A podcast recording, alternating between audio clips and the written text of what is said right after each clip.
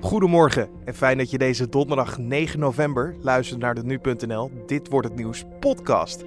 Mijn naam is Carne van der Brink en ik zal je in een klein kwartier bijpraten over het nieuws van nu, de zaken die verder deze dag te gebeuren staan en we hebben een mediaoverzicht voor je vandaag. Zometeen aandacht voor Series Request en de uitzwaaiwedstrijden van Dick Advocaat. Maar eerst het belangrijkste nieuws van dit moment. Als er geen humanitaire hulp komt in Jemen, leidt dat tot de grootste hongersnood die de wereld in meerdere decennia heeft gezien. Dan moet je denken aan miljoenen slachtoffers tot gevolg. Dat heeft noodhulpcoördinator Mark Lowcock van de Verenigde Naties woensdag gezegd. Arjen Robben sluit een terugkeer bij Oranje niet uit. Mocht het Nederlands elftal zich plaatsen voor het EK van 2020. Zeg nooit nooit, absoluut niet, zei de aanvaller van Bayern München woensdag tegen Fox Sports. Robben sloot zijn interlandcarrière vorige maand af na de WK-kwalificatiewedstrijd tegen Zweden, maar laat de deur toch op een kiertje. Nog meer voetbalnieuws. Dick Advocaat stopt na de oefeninterlands tegen Schotland en Roemenië definitief als bondscoach van het Nederlands elftal. Dit zijn mijn laatste twee wedstrijden. Daarna stop ik bij Oranje, zei Advocaat woensdag bij aankomst op het vliegveld van Aberdeen tegen de Schotse media.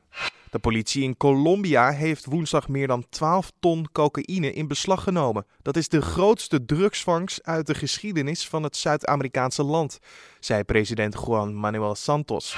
Nog wat entertainmentnieuws. Spoorloos presentator Dirk Bolt heeft een chronische bloedafwijking. Om die reden had Bolt medicatie nodig tijdens zijn ontvoering in Colombia. In het gunstigste geval heb ik nog wel even te gaan, maar met wat pech kan het met een jaar of zes of zeven afgelopen zijn. Dat vertelt de 62-jarige presentator in gesprek met Margriet. Deze zomer werd Bolt samen met cameraman Eugène Vollender ontvoerd door gorilla-beweging ELN.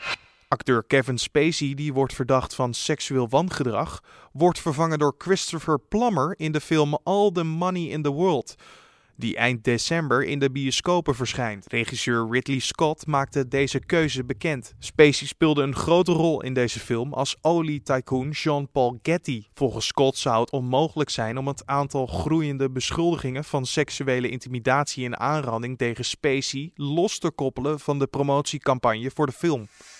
En dan kijken we naar het nieuws van vandaag, oftewel dit wordt het nieuws. Vandaag wordt bekend welke 3FM-DJ's het Glazen Huis in Apeldoorn zullen betreden. In het Glazen Huis eten de DJ's een week lang niet om zo met alle luisteraars geld op te halen om ouders en kinderen te herenigen. Wereldwijd zijn inmiddels meer dan 4 miljoen familieleden elkaar kwijtgeraakt door een ramp of conflict. Collega Julien Dom sprak met 3FM-DJ Wijnand Speelman, die naar Nigeria is gegaan voor Sears Request. Wijnand heeft daar het probleem van de verscheurde gezinnen met eigen ogen gezien.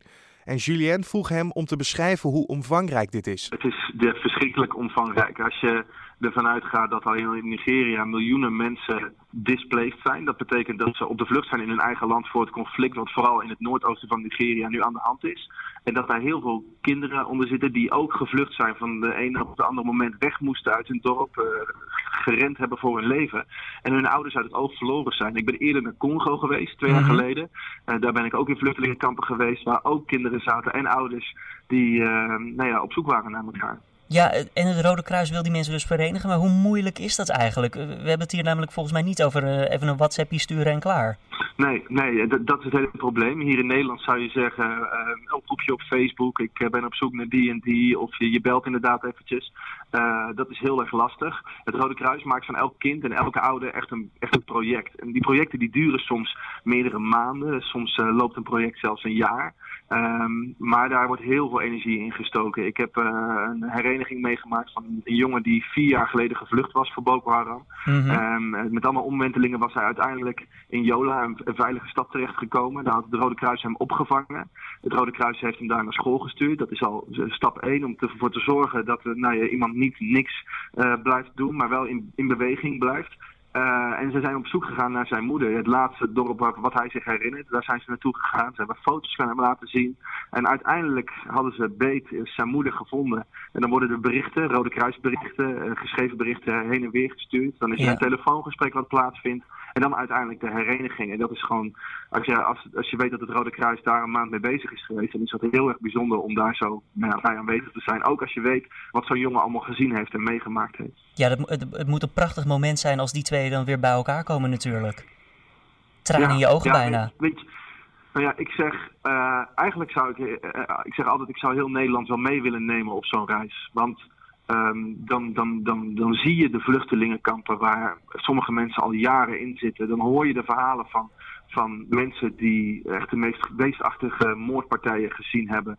Uh, en dan hoor je ook hoeveel dagen uh, sommige jongens en meiden gelopen hebben voordat ze in veilig gebied kwamen. Echt rennen voor je leven zonder dat je ook nog maar iets hebt. Ja, jij ziet dan daadwerkelijk waar dat geld naartoe gaat, hoe dat geld wordt besteed. Want met hoeveel geld uh, kan het Rode Kruis al iemand helpen dit jaar? Nou, dat zijn allemaal verschillende bedragen. Dat varieert van 3 tot 5 tot zelfs 10.000 euro. Want voor 10.000 euro heb je vier motoren. Uh, vier motoren die uh, in een bepaald gebied in kunnen gaan waar je met een auto niet kan komen. Dat heb ik in Congo gezien, waar die motoren nodig waren om met posters van een bepaald meisje wat herenigd moest worden, uh, in een gebied te komen waar je met de auto niet kan komen. Een mobiele telefoon, een telefoongesprek, dat duurt soms heel erg lang voordat je bereik hebt in een gebied waar ik bijvoorbeeld geweest ben. We hebben soms een uur over een telefoongesprek gedaan, wat dan drie minuten duurt. Dat kost drie euro. Ja, en sta je dan ook steeds een beetje te zoeken van waar is nou die toren, waar is, waar is dat ene streepje bereik? Oh. Of?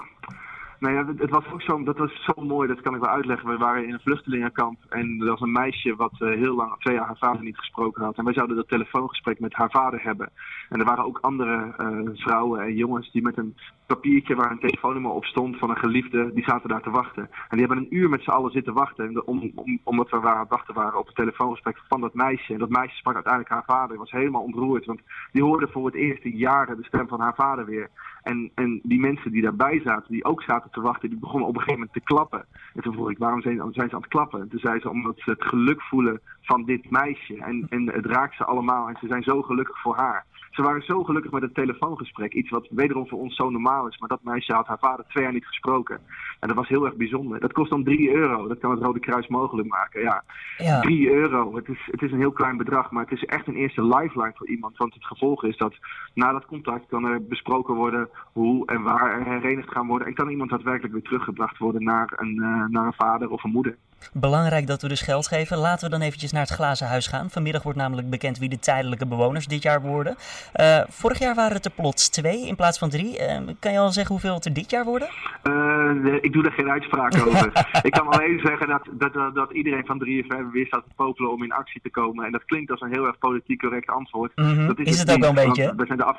Ja, weet ik. Maar wij zijn elk jaar is er zo'n groot team bezig om wederom een stille ramp op de kaart te zetten. Omdat wij het heel belangrijk vinden om aandacht te vragen voor nou conflicten die zich afspelen in de wereld, rampen die zich voordoen in de wereld, waar je normaal op het nieuws niet zo heel veel over hoort. Je hoorde Wijnand Speelman van NPO 3FM. Vanmiddag tussen 4 en 6 uur bij het programma Mark plus Ramon wordt bekendgemaakt welke DJ's het glazen huis zullen betreden. Het Nederlands elftal is al uitgeschakeld voor het wereldkampioenschap voetbal in Rusland volgend jaar. Maar toch komt Oranje vanavond in actie. De ploeg van bondscoach Dick Advocaat speelt tegen Schotland. Collega Julian Dom sprak met Riepke Bakker van de Nu Sportredactie over wellicht een opvallende naam. Wesley Snijder. Ja, want Robben was gestopt. Zijn maatje bij Oranje, de laatste der Mohikanen ongeveer, van de gouden generatie. 2010, dan denk je, nou dan gaat Snijder er ook wel mee stoppen. Die is 33, die is bij het volgende toernooi wordt die, wordt die 36. Maar niets minder waar, hij stond er gewoon met een, met een lach op zijn gezicht op het trainingsveld. En zegt, hij is anders dan Robben eigenlijk. Die wou zijn eigen afscheid regisseren. En het lijkt erop dat Snijder gewoon zegt, ja, zolang ik word opgeroepen ben ik er voor het Nederlands elftal. Want ik trek nog steeds heel graag dat Nederlands elftal shirt aan. En is Snijder ook nog altijd fit?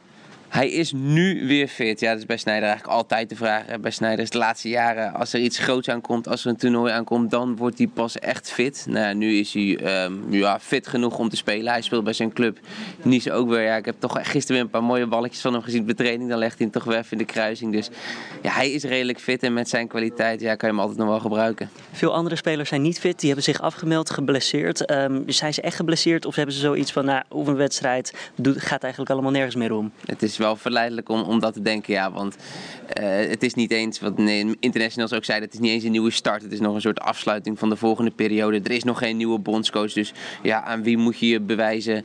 Ja, dus Jansen, Dost, Tete. Het is verleidelijk als je iets voelt, nou neem even gas terug en uh, dan weer vol op de club. En dan, als het er straks echt om gaat, dan sluiten ze wel weer aan bij Oranje. Ja, en dan moeten we het ook nog eventjes hebben over de bondscoach. Ja, KNVB-directeur Gudde die heeft gezegd, ja, ik sta ook open voor een buitenlands avontuur. Ja, moet hij ook wel zeggen hoor. Want als hij dat niet had gezegd, had hij waarschijnlijk heel Nederland over zich heen gekregen van we denken te veel in hokjes. Hij zei, een buitenlandse bondscoach is uh, volledig bespreekbaar. Maar goed, de kans dat het gewoon een Nederlander wordt, want ook een Nederlander is volledig bespreekbaar uh, voor Gudde.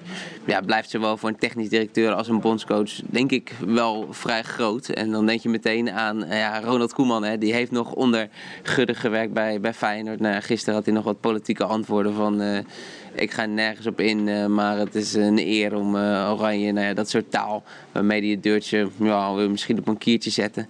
Dus ja, ik denk dat het eerder een, een Koeman wordt dan een buitenlander, maar uiteraard uh, alle opties zitten nog open. De wedstrijd tussen Schotland en Oranje begint om kwart voor negen en is te volgen op nu.nl. Na de wedstrijd kan je ook bij ons terecht voor interviews en een samenvatting. En dit gebeurt er verder vandaag nog. Het gerechtshof beslist over de verzoeken van de verdediging van PVV-leider Geert Wilders om meer onderzoek te doen en getuigen te horen in zijn zaak. Wilders werd in december vorig jaar door de rechtbank schuldig verklaard aan groepsbeledigingen en het aanzetten tot discriminatie met zijn minder Marokkanen-uitspraak. Hij ging in beroep tegen dat oordeel. Het Openbaar Ministerie wil dat het gerechtshof de iedere gedane verzoeken voor verder onderzoek afwijst. Er is volgens het OM geen onderzoek meer nodig. Het dossier is compleet, zo stellen zij. Een 24-jarige man moet voorkomen voor het mishandelen van een 19-jarige aspirantlid van het studentenvereniging Vindicat uit Groningen. Dit gebeurde allemaal op 25 augustus 2016 tijdens een introductieweek. De verdachte was al lid en zou met zijn voet op het hoofd van het slachtoffer hebben gestaan. Het slachtoffer en Vindicat hebben aangifte gedaan. Het Openbaar Ministerie verdenkt de man van zware mishandeling. En dan kijken we waar vandaag onze collega's over gaan schrijven, oftewel het mediaoverzicht. Je kan wel zeggen dat de Koude Oorlog herleeft. Woensdag besloten de NAVO-ministers van Defensie dat de commandostructuren uit de tijd van de Sovjet-Unie weer worden opgetuigd. Het bondgenootschap maakt zich weer zorgen om de bedoelingen van Rusland. Vooral na de Russische agressie tegen Oekraïne in 2014, zo schrijft de Volkskrant vandaag. Een van de speerpunten is een nieuw logistiek commando dat ervoor moet zorgen dat de troepen van elders uit Europa zo snel mogelijk in de Baltische Staten kunnen zijn. Mogelijk pijnpunt zijn de bruggen en spoorwegen die weer moeten worden ingesteld op het vervoer van loodzware tanks. De Telegraaf bericht vandaag over dat de aanpak van mensenhandel door de gemeenten ernstig tekortschiet. 95% heeft geen specifiek lokaal beleid om de problemen aan te pakken. Dat stelt de Nationaal Rapporteur Mensenhandel Corine Detmeijer in een rapport dat vandaag verschijnt. In Nederland worden jaarlijks naar schatting ruim 6000 mensen slachtoffer van mensenhandel. Gemeenten zouden ook op het gebied van preventie een belangrijke rol kunnen spelen. Bijvoorbeeld door verhuur en verkoop van panden aan dubieuze personen te weigeren en vergunningen voor bordelen in te trekken. Het één na grootste bedrijf van Nederland, grondstofhandelaar Vitol, koopt olie van een Nigeriaans bedrijf dat op dubieuze wijze aan Nigeriaanse staatscontracten kwam. Dat blijkt uit de Paradise Papers. In 2014 concludeerde de president van de Nigeriaanse centrale bank dat de schatkist maar weinig terugzag uit de deal, schrijft Trouw. De voormalig topman van het bedrijf die het contract met het Nigeriaanse staatsoliebedrijf regelde, wordt in de VS vervolgd voor corruptie. Hij zou de Nigeriaanse oud-minister van Olie hebben omgekocht om lucratieve ondernemingskansen te krijgen voor een van zijn andere ondernemingen. En dan kijken we naar het weer van vandaag. Het is vandaag grijs met slechts op bepaalde plekken wat opklaringen. Ook kan het wat licht gaan regenen in de middag en de avond. De temperatuur komt uit op zo'n 12 graden in het noordwesten en in het zuidwesten blijft het kwik hangen op zo'n 7 graden. De wind is zwak tot matig, maar kan aan de kust af en toe krachtig worden. En dan nog dit. Van alle landen waar de moedertaal niet het Engels is, staat Nederland bovenaan in de lijst van beste Engelssprekers. dan moet je alleen niet denken aan deze icoon in de voetbalsport. You think you are smarter than I, but it is not like that. no, I have to say that you are uh, getting the sack tomorrow. In what for world we live. I cannot imagine that we are talking about such a thing. Je hoorde Louis van Gaal die in Engeland niet echt de schoonheidsprijs kreeg voor zijn Engels. Dat wij bovenaan staan als beste Engelssprekers, dat blijkt uit de EF English Proficiency Index, een wereldwijd taalbeheersingsonderzoek waaraan meer dan een miljoen mensen deelnemen. De Local berichtte hier gisteren over. In alle geteste landen worden volgens het rapport al op de basisschool Engels gegeven. Tijdens deze lessen zou vooral aandacht besteed worden aan het communiceren in het Engels en ligt er minder focus op de grammatica. Ook het feit dat er in deze landen, waaronder dus Nederland, veel Engelstalige programma's op televisie te zien zijn, zou bijdragen aan de hoge score. En om dit onderwerp af te sluiten, toch nog één uitspraak van Louis Vergaal om het af te leren. In the Netherlands they say that is another cook.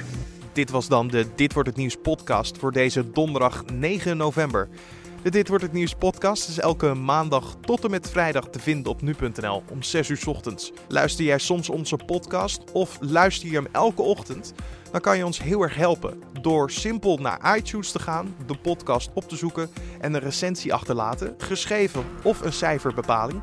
Of altijd een mailtje te sturen naar redactie.nu.nl en laat erin weten wat jij nou van de ochtendpodcast vindt. We wensen je een hele mooie dag vandaag en tot morgen.